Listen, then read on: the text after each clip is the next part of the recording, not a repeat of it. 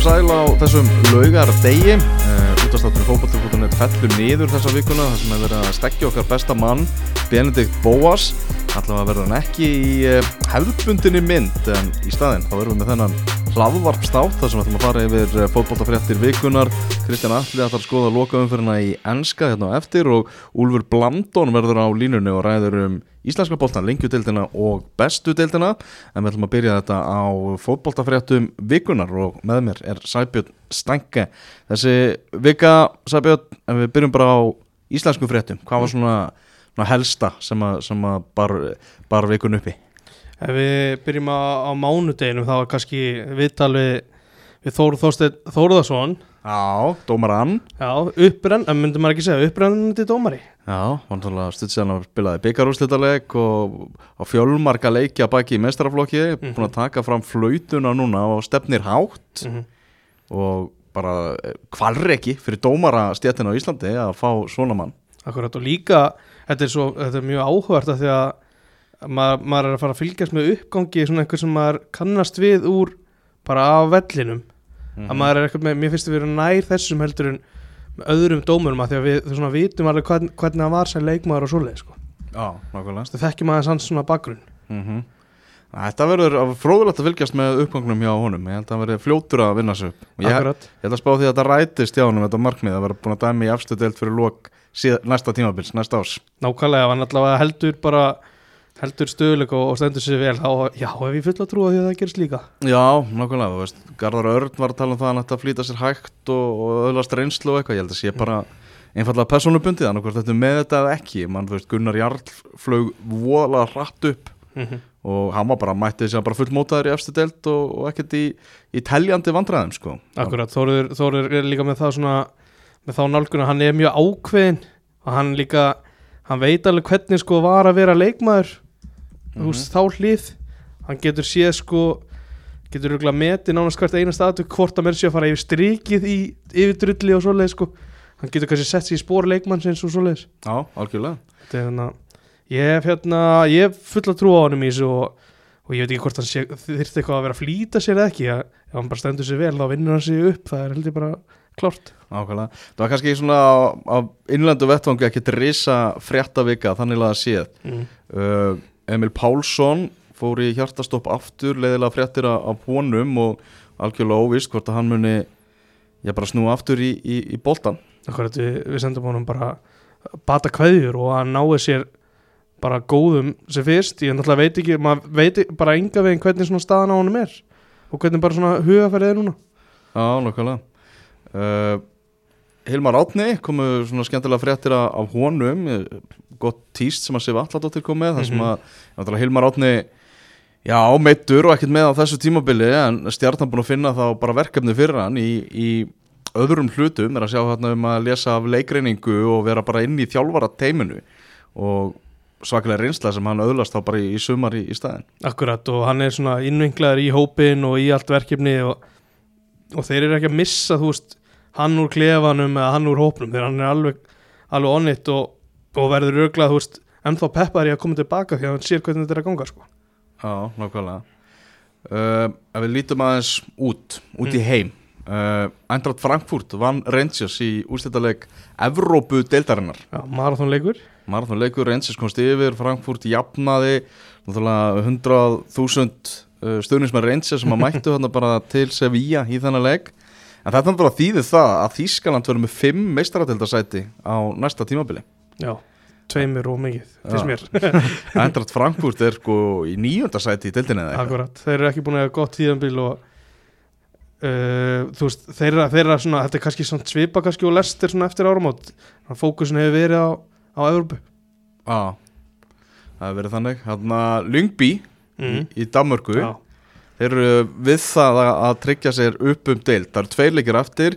Þeir þurfa að minnst að kosti þrjú stig úr þessum tveimur leikjum til að vera algjörlega öryggir um það að- spila í efstu deild. Það er bara risa stórt fyrir Freysa, fyrir Frey Alexandersson. Ég mann við tókum viðtal við hann þannig að tóku þessu starfi. Hann sagði að það var engin pressa á það að fara strax upp að væri Mhm. svona verið að byggja upp uh, liðar að fara, að félagir að fara á nýja leikvang sem er verið að fara að uh, byggja og, og allt það. Og Freysa stefnur á það að fara með liðið inn í nýja leikvangin mm en þetta er gengið bísna vel, þeir eru búin að vera ólsegir á, á, á þessi tímabili. Akkurat, hann tók við síðasta sumar það ekki? Jú, og þeir eru núna í öðru sæti stíu eftir Íslandingalega Horsens Það er ekki rétt mér? jú.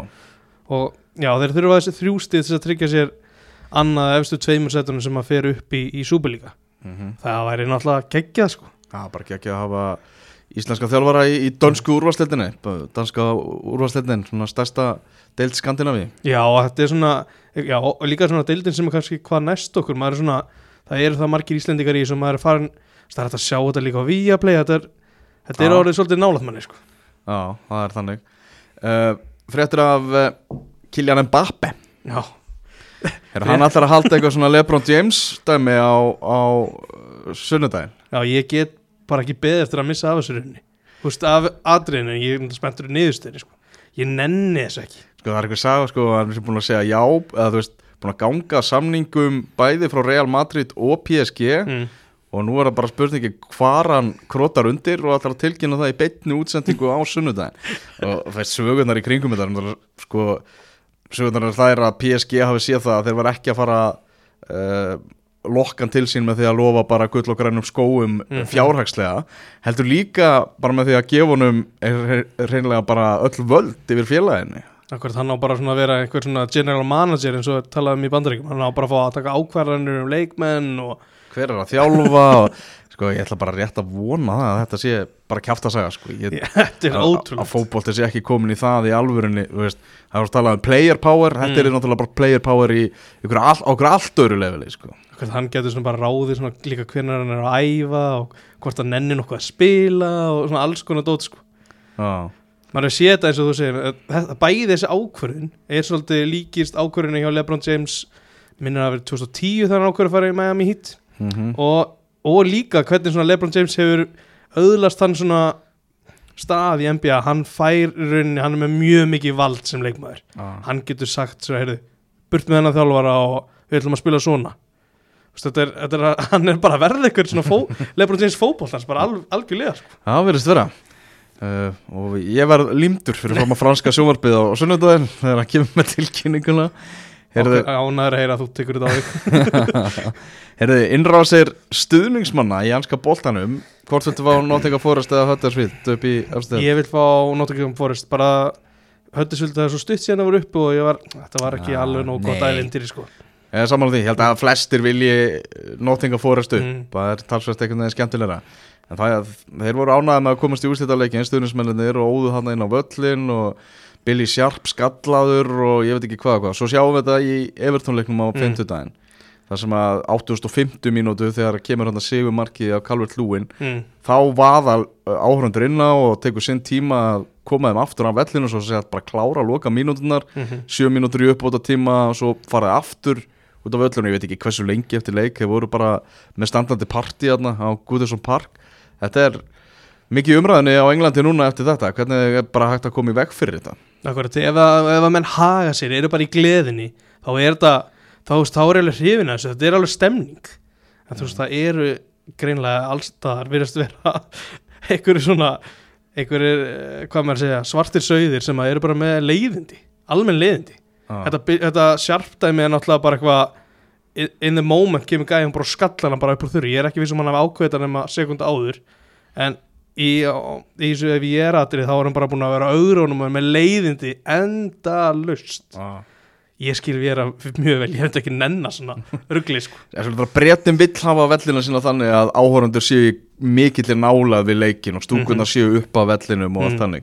Og ég held að bara þetta sé bara óhjákvæmlegur fylgifiskur að í vissum tilfellum þá mun þetta gerast, það þarf bara gæslan að vera á tánum. Akkurat, það þarf að vera það þarf, að, veist, það þarf einhvern veginn að vera kannski þá skýrar að hvernig, þú veist, þeir sem að luti í lægra haldi geta veist bara fórað sér í burtu eða hvernig það er sko. Ah. Við erum hann bara hann er hann einn á stóru svæð og allir komast að hann sko. mm Annað hérna yfir frétti vikunar næsti landslisópur, þú þú punktaði það niður. Já. Uh, það var aðeins fréttablaði sendi fyrirspilna á vundu og fekk það svar að Aron Einar, það er svona ekkert sem bannar Arnar að velja hann Nei. en svo er það bara hvort að Aron Einar gefur kost á sér eða hvort að Arnar velur hann heila Mhm. þetta verður svona frólægt að sjá Það er vantilega bara í næstu viku sem að verður tilkynntur landslýsópur Akkurat, þetta er fyrsta þá keppnisverkefni núna síðan í november Já, þjóðadeildin B-deild Já. uh, Rússar með okkur í riðli en spila ekki leik og, og falla sjálfkrafa Mm. uh, niður þannig að það er ljóst að við verðum getum ekki fallinir í sétildina sem er virkilega ánægilegt Já. þannig að fara að mæta hérna Ísrael í fyrsta leik. Akkurat, Ísrael ytra, það verður það verður leikur. Já, og bara frólægt að sjá líka bara hvernig uh, landslýsópurum verður eins og segir, hvort að Aron Einar verði þarna, hvort að Hólmur Eyjólfsson verði þarna Mhm, líka. Akkurat, já. Hann og sögursaknir fjóru til þrýr með það að, að uh, hann væri að reyna Arnþór Viðarsson að fá Hólmar Neilsson til að taka landslískona fram aftur. Mm. Ég hef heyrði í gær, ég held að Kristján Ólega satt frá því að það er búið að velja svona stóra hópin, 34 manna hóp. Já, og hann nefndi sérstaklega að Axel Óskar Andersson væri í þeim hópi já, sem ok. þýðir ekkit endilega að hann verði í loka hópnum en bara áhugaveru punktur, hann nefndi hann. Það er, er miðurur líka. Já, nákvæmlega. Heyrðu, Aganemt KSI dæmdi Kristal Mána í Já. Og sló hann frá sér. Mm uh, og þetta er, hefur skapað eins umræður á, á Twitter -hmm. þar sem að Bíkov hjá, hjá Káa fekk tveggjarleikja mann Akkurat, ég setti inn Twitterfæslu í rauninni engungu til þess að að skapa umræður það tókst. Og uh, Sæfa Pétursson og ekki, Haraldur Haldsson, er ekki rétt um mér? Já, voru að ræða þarna aðeins mólin og mennum var svona velta fyrir sig hvort að það væri að vera að kalla eftir auka leika og Kristall. Ég held að það sé enn og ekki málið sko. ég held að sé málið að það sé að þetta séu svipu atri en svo þú veist rauk vikingar að Bíko fer í andlit höfuð mhm. en að Kristall slæri rauninni bara í hvað, bringuna á, á Davíð ég veit ekki þetta er ég veit ekki alveg hvernig þú veist, ég, er bara, ég er Já, ekki innuglar í þess aðanum þannig að ég skil ekki alveg hvar línan liggur Ég hérna fór aðeins að að hlera þetta Mm. og þetta er snýsteila bara um það hvernig dómarinn í, í metur þetta og hvernig hann skila skýslun inn Mm. í Bíkoff atriðinu þá hefur Elias dómari leiksins uh, haka við ofsafengin framkoma mm. ég held að sé, sé, sé fara með rétt mál en það hefur uh, Ívar Orri sem dendið þennan leiki á heimavelli Hamingjunar Mm. ekki gert Mm þannig að það er ekki aukalikur á, á Kristal bara svona út af mati dómarans sko. Akkurat, það er svo annara kannski að meta hvort þetta sé ofsakin, ofsafengi framkoma ég, þú veist, hann, hann já, ég get alveg kannski skila ef hann heldur í alvörinu að hann hafi skallað kjartan henni, eða hvernig sem hann sér þetta þá er það alveg ofsafengið Já, en þú veist, svo að þú veist, horfir á þetta í mynd sjónarpæða, kannski upplifir þetta allt öðruvísi já, en Kristall var, var bara orðin eitthvað pyrraður og, og sló frá sér og þú veist, ég held að Davíð sé ekki núna með einhverja marbletti og okkar sko, nei, sé ágættu málum sko Nei, ég það. Ja, þetta eru fabuleringar og, og sitt sínist hverjum í Mm. þessu. En þá ekki svona ba- bankin eila tæmdur yfir, yfir það sem að átt sér stað í vikunni. Jú, mér langa, mér langa eiginlega, þú veist, kannski ferði aðeins yfir þetta með Kristján alltaf með þetta loka fyrir United Já. ég er hérna ég er ánægð með þetta Er það? já, ég vil ekki sjá okkar svona gleði gleði mynd, mynd menn sé eitthvað geðið ánæðir eftir þetta þróta tíðanbíl sko. Já, halda ekki loka hóf. já, En, en þeir hefur bara þú veist snúið þessu við og haft þetta skiluru, þú veist, Ten Hag er mættur, hann kemur hann að hann er kynntu til leiks og meira veginn svona, þú veist, þetta er ekki beint loka hóf, heldur svona, heyrðu, restart. já, þú veist Bara glæðjumst aðeins. einhvers konar kannski uppgjör og velunafending en, en þú veist svo hver, Þetta er þróta, þróta tímabil maður. þetta er eitthvað, kannski er kannski er maður eitthvað of, of, ofpyrraðar þessar stundu sko þess að með þetta en Fyrir Ég, hérna- þinna manna já, ah. ég sá að var hægt einhvers staðar að velja leikmann tíðanbilsins í United það komið til greina Bruno Fernandes sem hefur ekki átt gott tíðanbil Cristiano Ronaldo og David De Gea sem að já, það verður annarkur þeirra sem að reppur það noss Já, það verður spennald að sjá. Mjög spennandi að sjá hver er alveg bestur í United. Nákvæmlega. Þá ætlum við að skella okkur næst í lengjudeildina og uh, síðan bestu deildina og á línunni með okkar sérfræðingur Úlfur Blandón, sætla blessaður Úlfur. Já, blæsaður. Blessaður, þetta er tekið upp á, á föstudegi þannig að við tökum ekki þessa leiki sem að voru á, á föstudagskvöldinu en skoðum aðeins leikina á fimmtudaginn þar sem að fylgir var fjölni 5-2 það voru var nóga mörgum þar fjölnismenn sem hefur byrjað þetta á því að vinna fyrstu tvo leikina fengu hann að skella móti í liðinu sem að allir er að spá efsta sæti deildarinnar. En svona þessar tölur 5-2 koma það ekki svona nokkuð óvart? Eh, svona, ef maður kannski lítir á, lítir á held að fjölni sé búin að byrja svona kannski betur heldur en maður átti von á.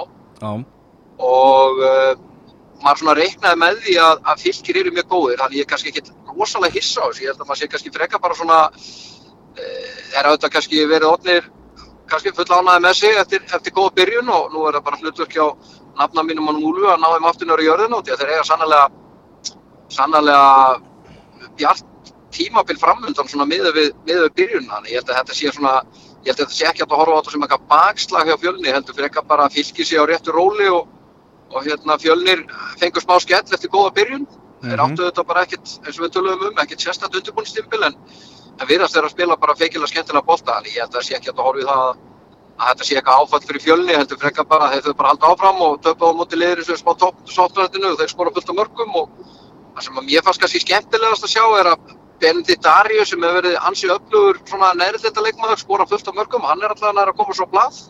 Já, hann kom, Og- hann kom inn á sem varamæður móti kórdrengjum og þegar hann og Áski Börkur kom inn á þá var bara allt annað að sjá fylgisliði þeir byrjuðu báðir núna í, í þessum leik og, og það var þessi stóri sigur.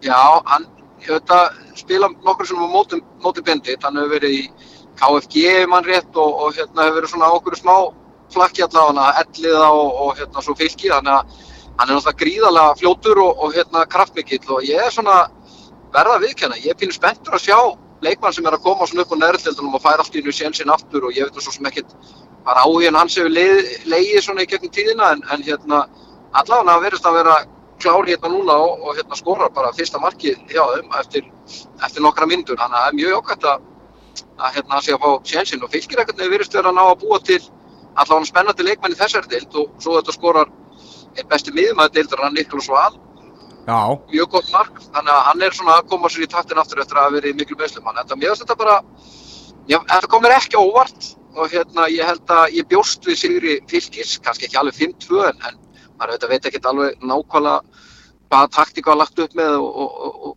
Úlfur held ég sé nú frekar svona sóknar þengjandi þjálfari, þannig að ef hann fær skellin þá fær hann bara skell. Já, nákvæmlega.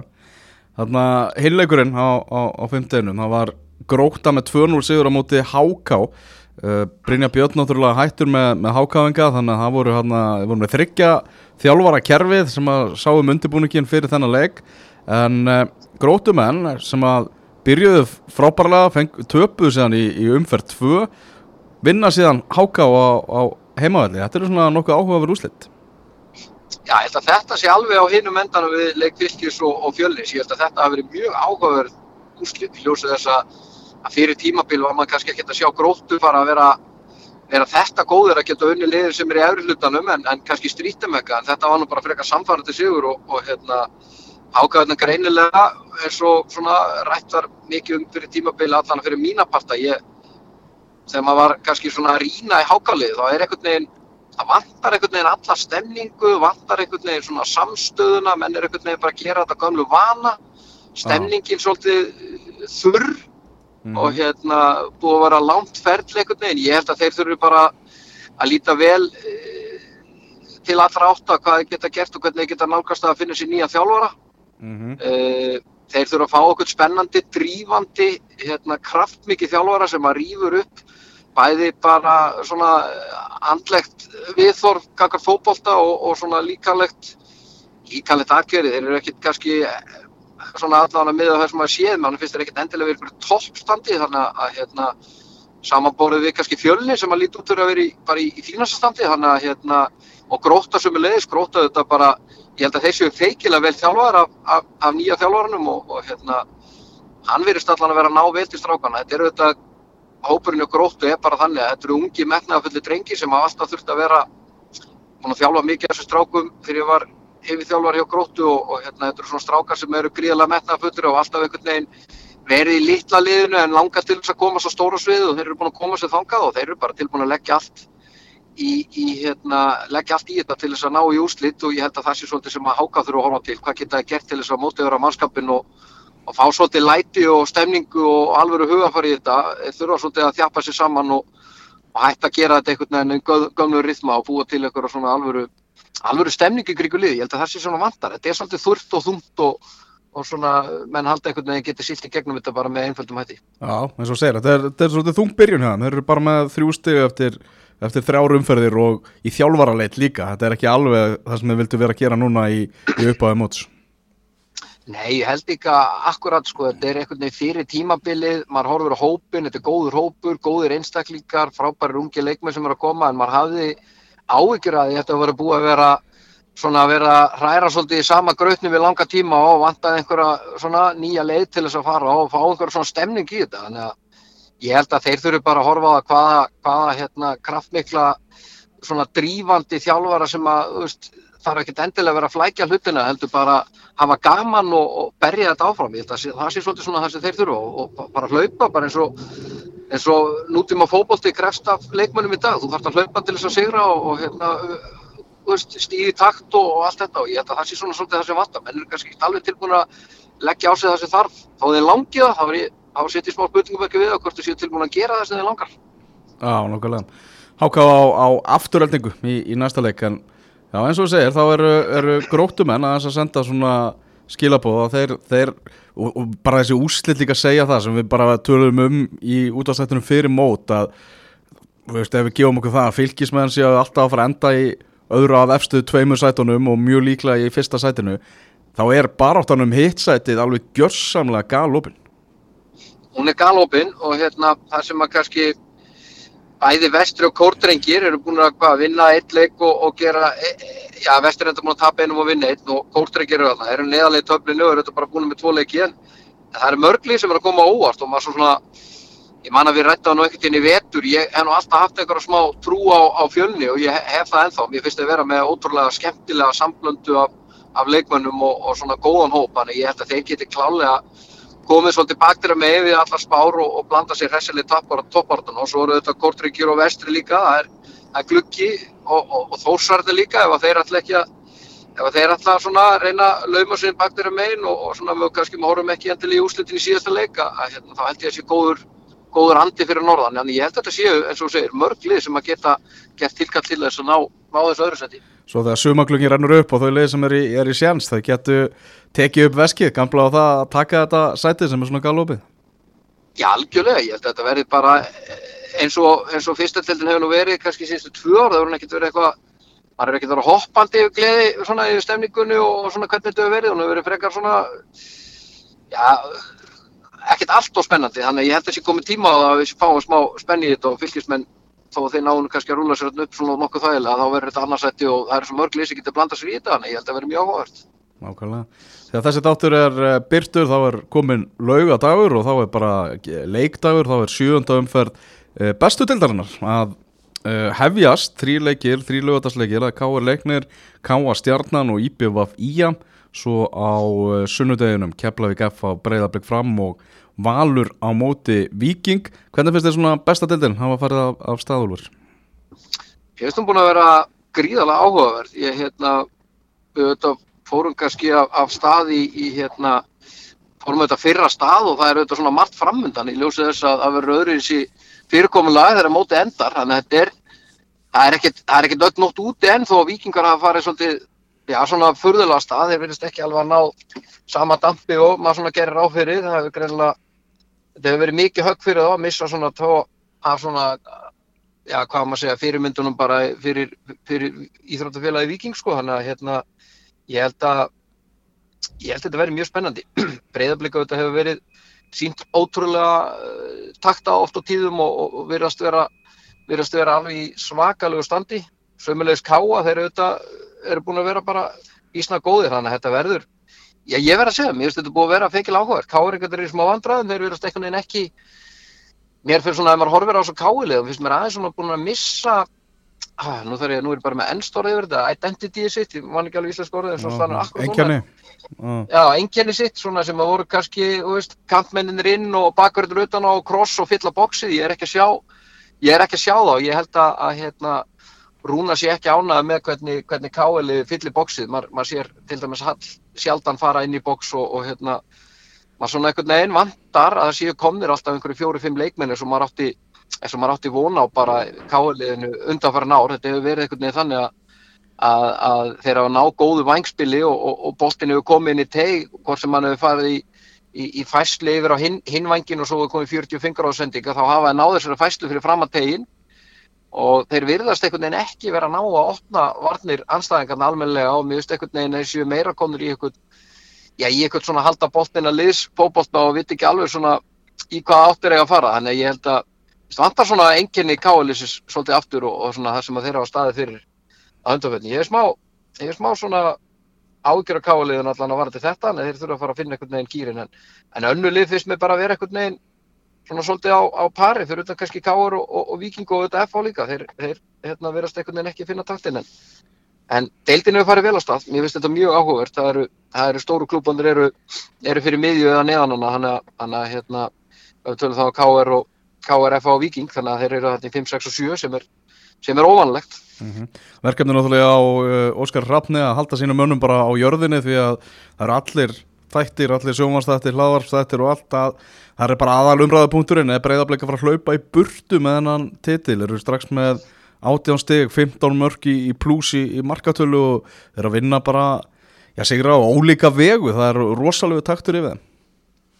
Já, ég held að, að breyðarbleik sko ég held að svona staðista verkefni í Óskar er náttúrulega bara að halda sínum önnum heilum. Ég held að það sé nummer 1 og 3 þannig að hann geti halda áfram þessu þessum, þessum, þessu góðu syklingu sem hann er á hann er auðvitað, það eru tveir til leikmenn að það sem hafa verið algjöri líki leikmenn núna í, í byrjun tímbilsins og, og hérna ég held svona ef að, ef að svona ef maður lítur út frá, frá þjálfaralegum sjónamöðum að hans mikilvægasta verkefni er bara að menn haldist heilir og hann missi ekki menni meðsli mér svona hann vantar, mér finnst vantar eitthvað fram á við, hann, hann hefur ekki tjelaða marga skiptingar ef að, ef að, að hérna, menn þetta eitthvað í meðsli þarna framalega á, á vellunum, hann hefur helling, helling að gera, veist, tilbaka eða inn á miðinni en, en, en sóknarleikurinn, það má ekki mikið út að breyða til þess að, til þess að, hérna, ef að missi menni meðsli að, að rýðmi geti dótt út úr þessu. Mm -hmm.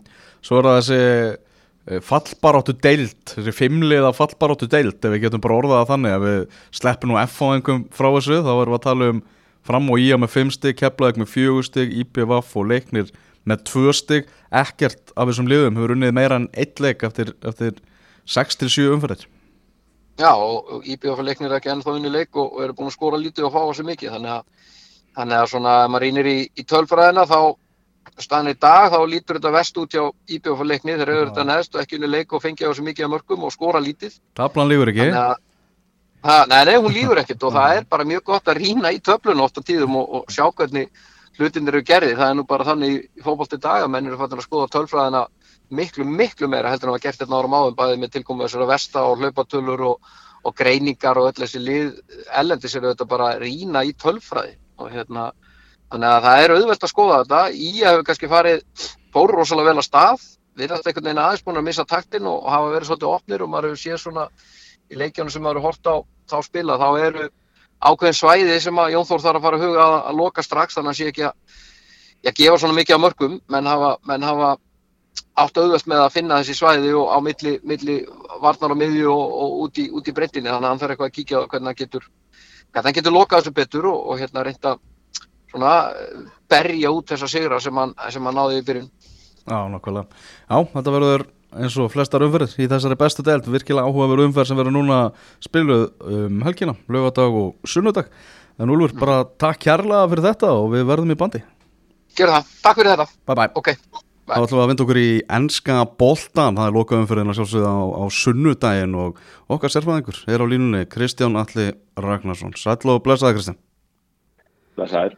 Her, það er úrslita stund á, á sunnudaginn og þurfa, já, mannsætti sitt í með málirni í, í sínum höndum með betri markatölu og stíja undan, undan þurfa mikið tala um það hvort að Steven Gerrard sé að fara að já, vera að vera hérna banana hýði fyrir mannsættir City loka hraða hindrunin hérna hjá, þeim. Að minna einhvern veginn svona að tala um það hvort, hvort að liðupúl klára ekki sitt að mig og, og vinnur úlvana Já, það er ekkert gefin leikur á mót úlfunum, þeir eru ólsegir og Liverpool unnuð á, á ótrúlegan hátt í desember á útivelli þegar að, þegar að meistari Divock og Ríki kom inn á og skoraði skilmarkið upp á þetta tíma mm -hmm. og, og, og, og það verður nú svona sér frá því að það er möguleiki á titli á sunnudaginn, þá verður smá tilfinningadrúki stundir í býstuða og Ríki fáið sína mínútur í lokin. Hann, hann er að spila síðasta leiksinn fyrir Liverpool vantalega og er að fara svo til Asi Milan. Mm -hmm. Já, síðast að segja í deildinni, hann náttúrulega á örglega eftir að vinna mistardeildinni fyrir okkur eftir ár, neð eftir viku. vannur en hérna, en já, ég meina það er, það er ekkert af tveimur leikjum, ef þú horfir á City og Liverpool þá á City miklu öðvöldari leikin bæði liður á heimavöldum, City er að spila við þetta Aston Villa lið, ég veit að menn vilja keira upp einhverja romantíki í Steven Gerrard á hliðalínunni og mögulega Danny Ings eða Philip Coutinho inn á. En svona þú veist, mið er möguleiki og allt það. Klopp saði við gáum okkur sens að við getum ekki gert meira fyrir lokaum fyrir hana mm -hmm. en, en, en af tveimur leikim þá, er, þá eru Wolves miklu erfiðari mótari og, og hérna og það er ekkert vist að Leopold vinni þann leik en ég myndi nú samt eða búast við því. Þeir náðu að kvíla nánast allt aðaliði Leopold í vikunni og vinna samt í sáðandón Mm -hmm.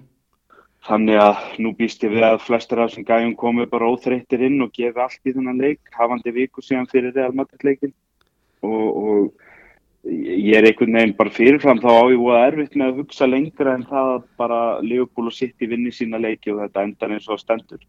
En, en, en auðvitað náttúrulega er alltaf sjens á ykkur þó svo sé lítill sjens á Aston Villa sem virðast nánast vera fallin sumafrí gera eitthvað á að sko það sem knýr Liverpool áfram fyrst og fremst fyrir hennar leika er það að þeir verða bara að fara út og skilja allt eftir. Ah. að því að ef eitthvað gerist hinum meginn þá vilt þú ekki sitja uppi með jafntefli gegn Wolves og hafa kastað þessu frá þér óvertum sénsar því að Aston Villa náðu jafntefli hinum meginn Ah. þannig að það er ekkit annað í stöðun en að fara bara þessi Wolves leikur er bara sá mikilvægast í ár.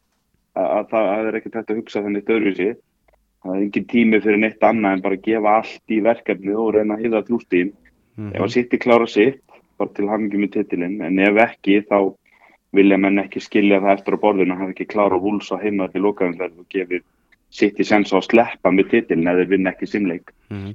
Þetta útspil hjá Jörgen Klopp núna á mótið Sáðantón sem myndist á þarna, spila með bjelið þar, náttúrulega já, borgaði sig að að loku um en mættu útkvíldir núna í þessar tvo síðustu leiki og, og þau náðu stífunum fremur en, en hvað fór í gegnum hugan á þér bara þegar þú sást byrjunarleið, hvernig hann stilti þessu upp? Ég var alveg slagur. Fyrsta lagi þá var, þáttu allir vona á þessu. Þetta var bara spurningin um hverjir hefðu lappir í að spila 90 myndur og þeir myndu byrja Ah. eftir framlengingu, eftir rosalegt leikjála náttúrulega undafarið. Liðið er að keppa á öllum vikstöðum. Búin að spila langflestar mínútur á þessu tífambili. Ég held að Liverpool eigi held ég sjö af þeim leikmunum sem að, þeim tíu leikmunum sem að spila mest í deildinni á þessu árið og telur markmenn ekki með sem að sína er álægið uh, hérna á liðinu Þannig að ég var alveg rólegur en ég held líka, ég held þetta segja bara svolítið um hvar Liverpool er statt í dag. Að ég var að horfa á leikinn, Liverpool dominur leikinn, sáðan þú komast yfir með mjög fínu marki frá Nathan Redmond en það marki náttúrulega átt ekki að standa því að það er brotið á Diogo Jota í aðdraðanda marksins og, og ég skil þann dómeil ekki en gott og vel, þeir fara upp einhver síður og hann skorar þetta mjög flotta mark. Uh, að öðru leiti þá áttu liðbúlunum leik bara, þetta var spurningin bara hvort þetta endaði 2-1 eða 3-1 eða 4-1 og ég var að horfa á leikinu, sérstaklega í setniháleik, þá fór ég að hugsa hversu margir af sáþáttónliðinu kæmust í þetta lið hjá liðbúl sem sagt í rauninni bjelið hjá Einmitt. og ég, ég var í rauninni reyðbúin að setja hérna James Ward-Prowse inn í liðbúlið Mhm. og þar með þau upptalið. Já, nákvæmlega. alveg ángrín sko. Það er, og, og ég er að reyna sko, ég var að reyna að gera þetta ekki á liðbúlhróka ég var bara svona að skemmta mér í þessum leik og hugsa þetta og segja veist, og ég held að það sama gildi alveg um Chelsea og Manchester City og, og í rauninni Manchester United líka breytin er bara þannig að þessi lið geta farið til lið sem er svona hér um byrju með að deildi í ár eftir ár, búin að vera núna sáfondunir er að fagna núna áratug í efstu deild Mhm. og, og, og þetta er bara ójöfnurinn í þessari deild. Það eru bara 5-6 ofurklúpar og restin á ekki sens og upp að því marki að Liverpool geta sendt bjeliðið sitt í raunni á útivöll í næstíu stumferð þar sem að titilbáratan er alglega mikið og ekkert nema þrjústig duga og þeir dóminera samt og vinna samt. Mhm, akkurat. og það, þú veist, það var ekkert staðan á Leopold fyrir þremur árum en það er staðan á Leopold í dag. Og það er náttúrulega City eru búin að skekka leikin og Leopold eru bara búin að stíga upp og elpa þá í þessum málum. Mhm. þannig að það segir bara sitt að ég var eiginlega frekar róluð fyrir leik yfirbyrðin í leiknum kom mér ekki óvart Mhm. Þarna í þessari lokaumferð, svona City og Liverpool fara náttúrulega á ólíkan hátt inn í þetta, við erum að tala um að City Þetta er einu sjansið þeirra á, á, á titli á, á tímabilinu. Það er gríðarlega pressa bara frá, frá bara öllum sem bara búast við því að þeir verði meistarar. Á, hinháttin þá er, já, Leopold búið að taka tvo byggara, það er bara svakalegu bónus að þeir myndu vinna þetta á sunnudagin, meistaradeldin handa við hotnið, það verður alltaf parti, borgarstjórun í Leopold búin að gefa það út að þeir muni vera hérna á opinu rútu og, og það verður gleði. Eh, Þetta er svona Það, það er öðruvísi, öðruvísi pressa farandinn í helgina hjá þessum tveimur liðum, mjög ólík. Já, ég held samt ekki, eins og ég segi sko, ef eitthvað er þá stjórnast Liverpool kannski líka af ákveðinu pressu að því að menn vofa sér ekki að tapa stíðum gegn Wolves ef eitthvað gerist hinum einn. Þannig að Klopp setur þetta alltaf bara þannig upp fyrir leikmenn við vinnum og það er alveg sama hvað er í gangi, við þurfum ekki einu svona að vita stöðuna hinum einn, við vinnum. Það er ekkert annað sem kemst að og það er engin annar bygga sem kemst að. Þú vinnur ekkert þessa deild með því að vera eitthvað sattur að þú ert búin að vinna byggarinn og deildarbyggarinn Nei. og hinum einn að þá náttúrulega það er kannski svolítið annað þar þeir tapa, það er áfall fyrir það að tapa þessum leikja ekki real í, á Spáni og dett út á meistardöldinni og svo kannski þegar maður eftir þann leik þá tölum við um að sitja eftir svona fjóra leiki eftir og þeir væru sennilega alltaf að fara að vinna það en sá sem að maður horfið helst á var þessi vestamleikur Já. og það kom á daginn, það var loka heimaleiku vestam á tímabilinu, það var húsfylli mikil stemming, menn voru að kveðja Mark Noble uh, þann mikla leiðtoga í sö sögu vestam það var einhvern veginn svona að skrifa í skíin að ef að City myndi lendi vandræðin þá yrði það þar og það kom á daginn. City áttu semlega bara vesta hálfleik sem þeir hafa átt í deildinni frá áramótum í fyrirháleik í þeim leik, það gekk ekkert upp og þeir virtust bara hafa glifti hvernig að spila Guardiola-boltan en þeir síndu náttúrulega styrk sinni setnáli með að koma tilbaka og hefði í rauninni geta nánast klára hann að titil með því að nýta vítaspilluna í lokin. Hérna ég held að svona skrekkurinn sé farin úr City, ég held að City séu bara, jú, þetta er eini sensir á titli og það kannski gerir þá ennþá ákveðnar í að klára þennan leik að hafa ekki úslítaleg mistaradeildarinnar eftir viku en ég held að samaskapa það sé ekkert eitthvað sem að muni gera Leopold satta eða valda því að Leopold tegir sér ekki eins langt. Ef að staðan er 1-1 í báðum leikjum og kortir eftir að þá held ég að bæði lið séu bara að fara að deyja fyrir málstæðin sko. Það er, Leopold er ekkert að fara að segja na ok, við eigum allavega mistaradeildin eftir viku, við tökum jæftefli hér og að sitt í að samaskapi eru bara að fara að hugsa heyri, þetta er eini sensum, við getum ekki verið tittlalösir eftir þess að frábæru leikti þeir eru náttúrulega búin að vera magnaðir í vetur. Mm -hmm. og ef að þetta sittilið er ekki með dollu eftir veturinn þá er eitthvað skrítið sko. Þá, þá eru menn að tala um hrun. Þá það breytir hvernig menn hugsa um þetta tímabili á sitti hvort þeir klára þó allavega deildina eða ekki. Mhm. Þannig að ég, ég bara ég býst við bara svakalum framistöðum hjá báðanliðum, þau gefa allt í verkefni og, og eins og ég segi, ég er rosalega erfitt með að sjá fram úr sigri hjá þeim báðum. En maður veit aldrei. Mm. Náttúrulega ef að óvænt að gerist og, og Leopold er að snúið svo við hérna í loka umferðinni þá verður þessi þetta vítaspilnu klúður hjá, hjá Riyad Mahrez eh, sem, við- við sáum mótið í Vestam það verður já bara endur tekið fyrir augum okkar bara aftur og aftur næstu árin Já, já, þá, þá, já, ég meina það, það breytir allri, eins og ég segi, það breytir allri umræðum tímabili hjá City hvort þeir klára þennan titil ekki. Ef þeir klára þennan titil, þá getum við sagt, ok, þeir kláru titil, það er það sem þeir gera.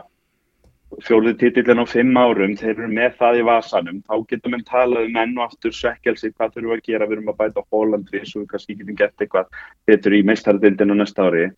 Ef þeir klára ekki titilin, þá held ég að menn fari meira að líta tilbaka og segja, akkur kláruðu þið ekki Harry Kane í fyrra? Eða akkur gerðu þið ekki þetta og hitt til þess að laga lið, akkur eru þið búin að vera meira með það nýjulausir í allan vetur? Og, og, og, og, voruð með nógu sterka að bakverðu eða eitthvað, hvað gerðist þarna? Og er Guardiola eins beittur stjóri og hann var fyrir tíu árum þú veist, það breytir allir umræðinu hún er ekkert alltaf sangjöld ég myndi ekki segja að það sé sangjart að fara að efast um Pep Guardiola bara að því að liði kannski gerir mögulega jafntefli á sunnudaginu en þannig er umræðan. Sitt ég er í þeirri stöðu.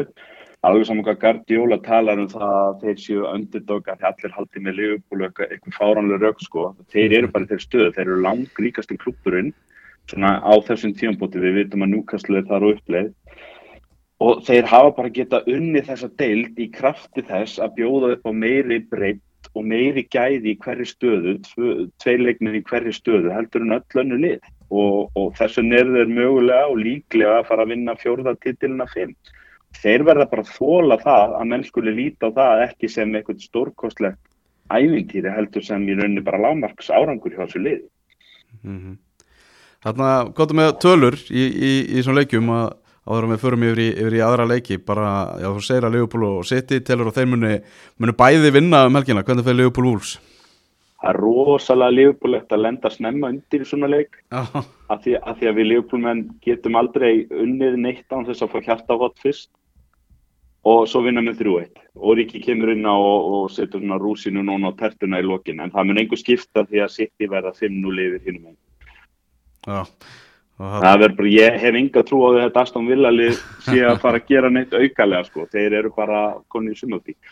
Og mér finnst ég tala, uh, horfður á Steven Gerrard sérstaklega eftir leikinu hann er farin að tala svolítið svona í gátum fyrir næsta tímabil, hann er að læra þessu, það, veist, hann er svolítið farin að gefa því skilabút að þetta verður ekki svona næsta tímabili.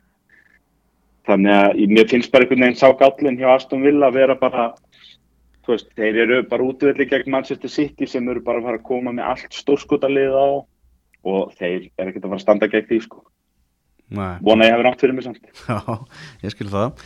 Vant að sitt í Englands meistari samkvæmt, samkvæmt spá Kristjáns, við slumum fara já bara aðeins í, í Chelsea sem er að fara að mæta Watford, Chelsea er náttúrulega búið að tryggja sér þriðjasætið, Thomas Tuchel talaði um að það væri bara kraftaverka þeir ná að klára þetta verkefni með N'Golo Kante svona mikið frá á, á tímabilinu, talaði um að N'Golo Kante væri svona þeirra sala, þeirra kemur til bráuna Já. Sko, það er áhugavert að Chelsea er eina liði fyrir þessa lokum fyrir sem að er klart með sitt sæti í deildinni. Þeir eru korkjaliðin uppni niður saman hvað gerist. mm -hmm. Um, ég hlust ekki afsakanir frá Thomas Tuchel. Þetta er vissulega búið að vera erfitt tímabil en þeir voru búin að kasta titilbártunni frá sér áður en að þetta söluferðli hafa bara aðmótt fór í gang, áður en að innrásin í Úkrænu hófst. mm. Þannig að þeir geta ekki bent á það og þeir svo tapa í meistardildinni fyrir Real Madrid sem að verður aldrei talin skandal að tapa fyrir. Það verður bara aldrei, aldrei e e eitthvað til að ákjæra menn fyrir að tapa fyrir Real Madrid í örfukefni, ja, þeir eiga það bara. En, en deildin var farin, skil, og þeir geta hort frekar kannski á jú, jú, eitthvað stök meðsli, þeir missa Ben Chilwell út, það er svekkandi að missa Rhys James út, Engolo Kanti að meittur, en ég get, get bent á samskona meðsli hjá City og Liverpool fyrir ofan á sko. Og, og hérna menn á að haldi dampi þrátt fyrir að leikmenn hafi horfið í mánu hér eða, eða erfitt með að vera heilir og annað. Eitt leikmar og, og ég menn á móti kemur og lið með fér, hérna, fjárhagslega burði eins og Chelsea á ekki að vera að fela sig á baku það að það er vant að leikmar sama hvað hann heitir Mm -hmm. þú veist, þeir eru farin að tala um fjóra í sömu stöðu eins og kom fyrir Liverpool í fyrir og þá getum við talað um afsakanir En ef að Engólu Kafti er svo mikilvægur að hann vantar í liði hjá og þá ertu bara 80% eins og þjálfarinn segir, þá þarftu að horfa hína miðmennin og segja akkur eru við ekki búin að búið til nógu gott lið. Þannig að ég gef lítið fyrir það. Þetta, ég, ég myndi kalla þetta tímabil varnar sigur hjá Chelsea. Túkel kom inn og flög hátt í fyrra og náttúrulega byggt í, í, í að sigra mistardeltina og fyrir viki voru væntingarna kannski svolítið framar vonum. Ég held að menn hafi bara lært af þessu tímpili og ef að þeir klára söluferðli í voru það kemur inn einhver nýr eigandi sem kannski er með höfuð rétt skrúað á og annað þannig að menn fái vinnufrið í haust. Mm -hmm. Þá myndi ég alveg búast við því að Chelsea mæti bara reynslunni ríkari til leiksko. En, en mér finnst óþarfið túkdelir að mínum að hann þarf ekki að vera í vörðn eftir þetta tífambil sko. Hann, hann fær alveg næsta tífambil. Mm -hmm. Vindum okkur yfir í baróttunum fjórðasæti þar sem að Tottenham situr í með 68 stig Arsenal með 66 stig það er veik von hjá Arsenal Arsenal að fara að mæta Everton vantalega bara þunnu liði Everton með að það menn voru hérna að skrifa á Twitter í allan nótt leikmenn Everton. Það, það vætti þeir að vinna það. En því miður fyrir, fyrir Arsenal menn þá er Tottenham að fara að heimsækja Norwich sem ætti að vera bara gönguferði í gardinum, fallið lið Norwich. Já, ég, maður veit það samt ekki. Norwich unnu nú um daginn. Hérna, óvænt, þannig að kannski er svona einhver pressa mönnum og þeir vilja kannski bara njóta þess að spila síðasta úrásteldaleikin í bili. Vandamáli hins vegar er það að tóttina þarf að tapa. Þeir eru með 15 mörgum betri merkantölu og, og Arsenal er ekkert að fara að brúa það í lokaumferinni mm -hmm. menn þýrst að tapa 8-0 og Arsenal að vinna 8-0 ah. þannig að jafnteflið og þá eru tóttina konni mistadildi, ég held tóttina klárið það bara, Konti er bara þessi uh, stjóri af þeirri hérna, því Kaliberi og annað sko. Eh, hérna, ég held þetta sé frábært fyrir tóttina ef þeir klára sig þarna inn eftir þetta tímabil, eftir allt sem á undan í gengi, sögun allar síðasta sumar af þjálfarráning og Harry Kane og, og hvernig hausti gekk og þú veist, þjálfarinn er því að þeir eru bara alveg niðri í, í leðjunni sko. Mm -hmm. að komast þarna inn er í rauninni bara svona eitt af afreikum tímabilsins í úrastildinni Mm -hmm. og það er alveg sama getum, þú veist, menn geta reynd að gera lítið úr því með að segja að Arsenal hafi kastað þessu frá sér og Manchester United hafi gefið séns með því að vera lélegir og eitthvað en bara vel gert hjá Tottenham þeir komu sterkir tilbaka þeir voru einhvern veginn, kontið var, gekk hægla hjá honum að koma þeim í gang en svona um jólin að þá var þessi vél farin af all og þeir eru bara búin að vera stöðugt eitt af fjóru bestu liðum deildarinn að síðan þá Mm -hmm. og, og ef, ef þeir klára þetta síðan þá er það bara verðskulda á móti kemur náttúrulega ég veit ekki hvað maður á að segja um Arsenalið Auðmikið Arsenalmenn Sá- Ah, sá klubur auðmikið stuðnismenn Arsenal þetta er búið að líta svo vel út eftir áramót Já, og það er bara eitthvað í DNA-inu þarna hjá klubnum að þeir eru bara sérfræðingar í að kasta þessari deilt frá sér og loka mittum. Það er alveg saman hvort þeir eru að berjast um titil eða topp fjóra. Þeir eru bara, þetta lið heldur ekki haus þegar að mest ríður á og, og ég, ég bara skilða ekki. Ég, ég skildi ekki hugafarið sem menn mættu í með eh, hérna í þennan tóttunarleik fyrir rúmri viku og, og það, ég meina Holding fauk út af og, og Tjaka og fleiri voru brjálaðar allan leikinn og mér fannst þeir bara ekki að halda hausinn þeim leik og fá bara það sem þeir áttu skilið en það voru þeir lengtir undir áður en að þeir missa mannin út af. Þeir eru komnir í 2-0 þeir missa mannin út af. Mm og þessi Newcastle leikur var bara alltaf, það er bara einn lélegast Arsenal framist að sem ég hef séð og ég átti ekki vona á henni, ég held einmitt að menn myndu allavega mæta dýrvittlösi til leiks eftir flenginguna gegn Tottenham. En það var bara, það var bara ekki. Það er bara, þetta leit út þessu lið sem komið í sumafrí og allavega lið sem hafði ekki trú á neinu í verkefni og það er rosalega skrítið því að það hefur verið svo mikil jákvæðinni í kringum þessa ungu uppbyggingu, þessa spennandi leikminn og það sem Arteta er að gera eftir árum Þessi, þessi, að- þessi framþróun og þessi uppbygging sem er í gangi þetta er náttúrulega, ef Arsenal er að fara að missa mistardildasæti eins og útliti fyrir, það hægir á, á öllu þessu, öllum þeirra plunum Já, ég, ég meina, þú veist, maður er að heyra plön eins og það séu langt konni með að reyna að semja við Gabriel Jesus til dæmis. Dettur það upp fyrir ef þeir fara ekki mistardildina? Einmitt. Það vakna alls konar svona spurningar fyrir utan það hvort að menn hafi fjáraslega börði til þess að keppa við lið. Ég mildi til dæmis segja að það er ákveðin gluggi sem að opnaðist fyrir Arsenal í vetur sem verður lokar á næsta ári. Því að tóttina með Antonio Conte í mistardildinni verða klárlega betra á næsta ári.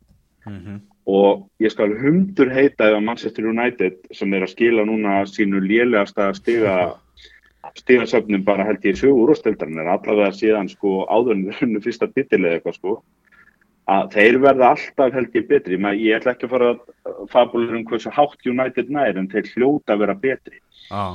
og, og svo náttúrulega er þetta njúkastlega á leiðinu þetta njúkastlega er þriðja besta lið deildinu frá bara og, og eins og við höfum talað um Já. að það var Eddie Howe, hann var búin að rífa þetta í gang með látum áður en hann kifti leikmenn í janúar, þannig að þetta er ekki bara leikmannakaupin. Og svo náttúrulega eða er mest í janúar, þeir eru örgulega að fara að eða mest allra liða í Európu aftur núna í sumar. Mm þannig að við getum alls ekki útiluga á þessum tíumbúti Newcastle úr einhverju umræðum topp fjóra næsta ári -hmm. þannig að hafi Arsenal sem voru ekki Európa-keppni ár, gáttu einbytt sem er algjörlega að dildinni hafið þeir ekki klárað þetta í ár, þá sé ég bara ekki hvernig þeir eru að vera nærði á næsta ári. ah, Þannig að áfallið er mikið og ég skilða bara vel, ég sé það á samfélagsmiðlum og annað að Arsenal stundismenn eru bara mjög söktir yfir þessu og, og hérna, ég held að henni skilja alveg hvaða séns þetta var og, og af hverju þetta verður sennilega erfiðar á næstu ári. mm Þannig að, að, að já, er, ég bara væri ekkert bjart sýtt fyrir að höfða Arsenal manna í dag því miður. -hmm.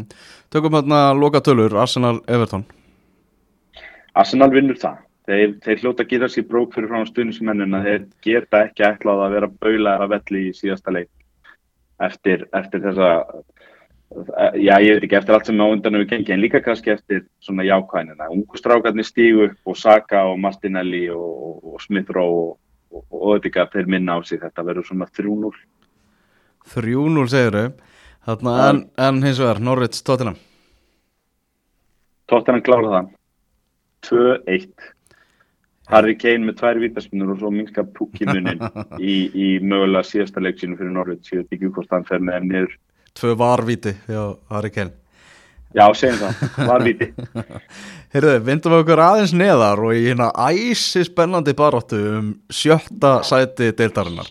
Manchester United í sjötta sæti með 58 stig, Vestham í sjönda með 56 Sjönda sæti er sambandsdeildarsæti en Manchester United í sjötta sæti sem er Evrópudeildarsæti, þannig að spurningi hvort United verði í Evrópudeildinni eða sambandsdeildinni. United að fara að heimsækja Patrick Vieira og, sem var hérna í, í slagsmálum á, á 50 daginn uh, já. þar sem að uh, Erik Ten Hag mættur og verður í, í stúkunni. Ætlar hann spjalla við menn síðan eftir, eftir leikin og uh, á sama tíma, náttúrulega allir leikin er klukkan þrjú á, á sunnudaginn þá er vestam að fara heimsækja Brighton. Já, þetta eru bara tveir erfiði leiki líka. Það gæti alveg farið svo að Manchester United og West Ham þessum að tapi bæði í lokaumferðinu og bara þetta sé lokastæðan. ah. Ég veit ekki hvað ég á að meta Manchester United. Ég horfi á uh, tapið gegn Brighton í Brighton fyrir að verða halvu mánuði núna og þeir hafa ekki spilað síðan. Þeir voru ömulegir þar. Þetta lið er náttúrulega bara búið að vera að missa flugið eftir að það var ljóst svona fyrir tveimur, þreimur umferðum að þeir tækju ekki fjóðarsætið. Og, og í stað þess að, að klára tímabili allavega með sæmt og þá er þetta ganga svo illa að þeir tapa með skömm í Brighton og svo slást þeir innbyrðis á æfingarsæðinu allir breyðlega fyrir til annan Ah. uh, og hérna og nú búið að slaufa hérna, nú búið að slaufa, slaufa lokapartínu, loka, lokahófinu hjá Já. leikmönnum þannig að þú sér bara hver, hver stemningin er yfir þeim klub ég mig grunnar einhvern veginn að Ralf Rannik geti eiginlega bara mögulega ekki beðið eftir að klára þennan leik og, og klára sína skildur og losna. Og hann er auðvitað bara því feignastur og Ten Hag sé mættur. Ten Hag vil auðvitað bara mæti vinnuna á mánudaginn. Ah. og bara, bara lik, líkla skilti við, við Ralf Rannik og, og, og fall, hérna, heitt lóskir og, og svo er Rannik farið og hérna og ég menna, þú veist, það er bara nóg að gera þar. Og þeir verða bara reynilega að passa sig að missi ekki þetta örbudeildarsætti það er náttúrulega munur á því að keppi örbudeildin eða, eða sambandsdeildin og, og það er líka ástæðan fyrir því held ég að vestan sé að trýsta svolítið, þeir sjá möguleikan á þessu örbudeildarsætti Mm Þannig að, já, ég, ég sko, Brighton eru á góðu flugi þessa dagana og þeir gætu alveg tekið eitthvað af vestan, ef við ekki segja að Brighton og vestan gerir jafntefli í hörkuleik -hmm. sem hann alltaf dugir ekki til og bjargar United að því United tapar fyrir Patrik Vieira og fylgum. Já, já þetta, er, þetta, er, þetta er skemmtileg spá þannig að verður fróðið að segja hvernig þetta verður og langur ljóst að það verður nóg af- eh, kamerum á Erik Den Haag hérna í, í stúkunni heldur betur verkefni sem er framöndun í honum og mjög mikilvægt sumar og hann er nú þegar hérna verið að orða einhverja leikmenn Ajax svona að hann takki einhverja leikmenn frá Hollandi með sér til United í, í sína hugmyndafræði. Já, já, það enda eðlilega, það er oft gera þjálfar að það taka einni eða tvo með sér sem eru vel skólaðir í hugmyndafræðina til að hjálpa leikmennunum að brúa bilið. mm Við skulum vinda okkur í, í fallbaráttuna það sem eru náttúrulega tíðindi á 50 daginn það sem að Everton vann þennan endurkomu sigur á móti Crystal Palace það er óvægt að segja það að Dominic Calvert-Lewin hafi reynst gulds í gildi hérna eftir að hann náða loksins að koma sér af meðsla listanum og, og skoraði þetta sigur mark, þvílugur fögnuður hérna hjá Goodison Park og mikill léttir fyrir alla sem tengjast Everton og þeir geti farið inn í þennan loka dag bara öryggir með, með sitt sæti Já, já. Ég sá náttúrulega á samfélagsmiðlum mikið að slatta af Liverpool-mönnum að gera grína því að Everton væri að fagna 16. sætinu eins og þeir hefðu unni byggar en, en ég skil þetta bara fullkomlega. Þetta getur ekki hafa verið þægilegt fyrir klúpilsauðutun sem hefur ekki fallið úr efstu til 60 ár að, að hafa þurft að lifa með þetta yfir höfðinu og horfa á framistöðu liðsins sem hefur verið vonlaus nánast síðustu vikurnar að hugsa með sig þú veist, ég, þú veist, auðvitaðstundismenn hljóta hafa bara verið að stara á vegginu sem ég trú ekki að þetta sé að fara að gerast. Mhm. þetta getur ekki gerst. Þannig að auðvitað léttir er mikill og auðvitað mega menn fagna þessu. Það er enginn að fara inn í klef og banna stuðnismönnunum að fagna þessu að því að þeir hafi verið lélegir í vetur og Lampard má vera mjög ánæði með þetta og annað. En svo svona þegar fagnurinn deyr út þá náttúrulega setur það eftir að þetta tímabil var algjört afhróð hjá Everton og menn þurfa að taka til í öllum krókum og kemum til þess að tryggja að þetta gerist ekki eftir en, en á deginum þá skildi ég geðsæðinguna bara fullkonlega og hérna, já, ég óska auðvitað stundismunum bara til hamingi með þetta. Ég hafði, eins og ég sagði ykkur áður, ég hafði engar sterkar skoðan á þessu. Fyrir maður kannski fór að gæla við svona þórðargleðist tilhugsunum að Leopold getur mögulega unni titilin eða þrennun eða eitthvað. Á sama tíma og Everton færi niður Já, að vera að tala um, hérna, tala um ég- að það eru fimmann ef að Everton fyrir neður ég þegar búin að hitta tvo Leopold menn í dag sem eru hundfúlir yfir því að Everton skuli hafa bjargað sér. Þannig að það, það er svona smá þannig hugararstandi gangi en, en, en ég meina Everton er náttúrulega bara klubur sem á að fara niður. Og klubur sem að, að mínum mati er búin að einhvern veginn reyna ofta spilna við og taka svona eitthvað stökk upp á við og það hefur aldrei gengið, mér finnst þeir eiginlega alltaf bara velja rángan kost þeir, og, og, og það er eins og þeir gefi sér aldrei alla leið neitt neittni hugmyndafæði, þá á að vera Ancelotti eða þá á að vera uh, Roberto Martínez og á að vera Rafa Benítez og nú á að vera Frank Lampard.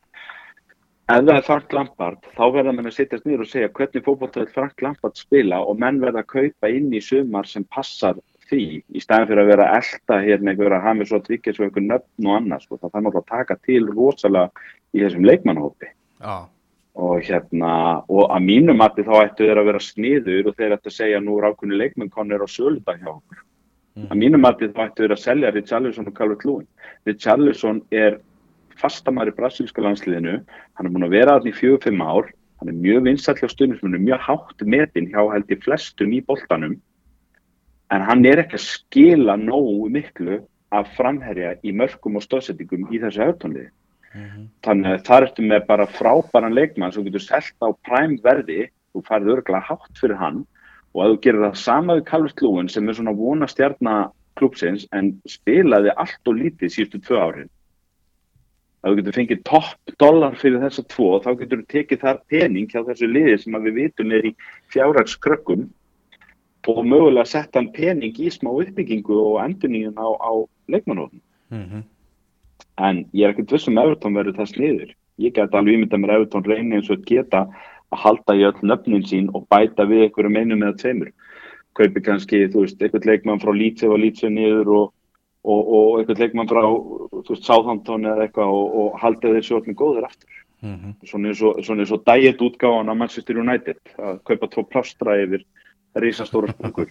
Það er svolítið Everton síðust árin, við skulum sjá hvort þeir hafa lært einhverja leksíur í sumar, en þeir eru allavega uppi og skæm til hamingi með það. Nákvæmlega. Watford og Norwich náttúrulega löngu fallin. Svo er það spurningin verða börnlega að verða lít sem að fyrir niður með þeim? Bæðilið með 35 stygg fyrir lokaðum fyrir hana en börnlega með mun skárri markatölu heldur en lítsarar þannig að það er alveg ljóst að börnlega geta treysta á, á sjálfan sig. Að fara að mæta Newcastle og ef þeir vinna þannleik þá eru þeir uppi Brentford eh, Leeds er á, á sama tíma hvort liðið fyrir niður, börnlega eða Leeds Leeds, uh, ég get ekki spáð neinu öðru því að Burnley er örglega að það verður svakalega stemming þeim á Törfmór á móti Newcastle. Newcastle eru sjóð heitir og þeir geta alveg hæglega að fara þangað unni í þessum lokaleg. Við sáum það bara á leiknum gegn Arsenal, það er bara uppgangur á Newcastle og eðlilega. Og, hérna, og ég held að menn mæti ekki til sumafrí þar, ég held að Howe er líka örgulega bara búin að brína fyrir öllum leikmönnum Newcastle í dag. Sumari sem er að fara að koma hjá Newcastle, þið eru allir að spila fyrir framtíð ykkar. Og þið geta ekki tekið ykkur frí í lokaðum fyrir að þið ætla að sína okkur að þið séu nógu góður, annars kaupuðu bara 50 miljón pundar mann í stöðun ykkar. Þannig að Newcastle er að fara að mæti vinnuna á sunnudaginn. ah. En, en staðan er einhver að síður svo að Leeds verður að ná betri úrslitum en Burnley. Ef að Burnley vinnur sinn leik, þá getur Leeds ekkert gert að hóra þeir niðri. Þeir verða að treysta á að Newcastle gera þeim greiða og svo verða þeir að vinna þennan Brentford leik og það er heldur engin hæðaleiku. Brentford eru líka eitt af heitari liðu deildarinnar og, og ég held bara að Leeds hafi þetta ekki. Leeds því miður bara þú veist, þeir komu sér í þessi vandræði, svo virtust þeir ná að rétta sér við þegar þeir skiptum stjóra og, og, og, og, og Jesse Mars kom að inn um, og hérna ég, þú veist, en svo bara einhvern veginn bara kláraðist þetta. Eftir þrjá fjóra leiki, svona kannski nýja brumið af nýja þjálfarunum og þegar það fjarað út, þá var einhvern veginn bara ekkert eftir. Mhm. og Leeds hafa, ég, ég er búin að fylgjast aðeins með Leeds, ég hef nú oft sagt það að Leeds eru svona smá varalið hjá mig þannig ég fylgjast alltaf aðeins með þeim. Og það er rosalega barátt í þessu lið þar er sko ekki hægt að saka menn um að hafa skort ástriðu til þess að bjarga hlutunum í ár. En það eru bara ekki nóg fótboltagæði í þessu liði Mhm. og þeir eru bara ekki með þetta og hafa ekki verið með þetta í síðustu umferðum til þess að nörgla sér inn.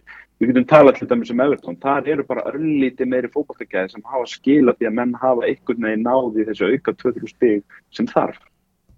Mhm. Uh, ég held bara að Leeds hafi þetta ekki, ég held að séu niðri að því að uh, ég sé þá ekki fyrir mér fara og vinna í Brentford. Ég er mjög hissa ef að það gerist að Burnley vinni ekki sinnleik og Leeds vinni Mhm. af því að við vitum að, að uh, jú, jafntefli náttúrulega nægi lít sem að börnlega tapa fyrir Newcastle. Já, já, akkurat. Það nægi, þeir þurfa bara að vera með betri úrslit hvernig sem það er, en, en ég er þið hissa. Ég ætla að spá lít sniður því miður. Já, lýtsniður sitt í meistari þannig að spáin hjá Kristján Atlas og þegar tímabillinu líkur þá þurfum við náttúrulega að fá hjá þér lið ásins og, og slíkt. Já, já, Þú ferð að, ferð að punkta þetta allt saman niður.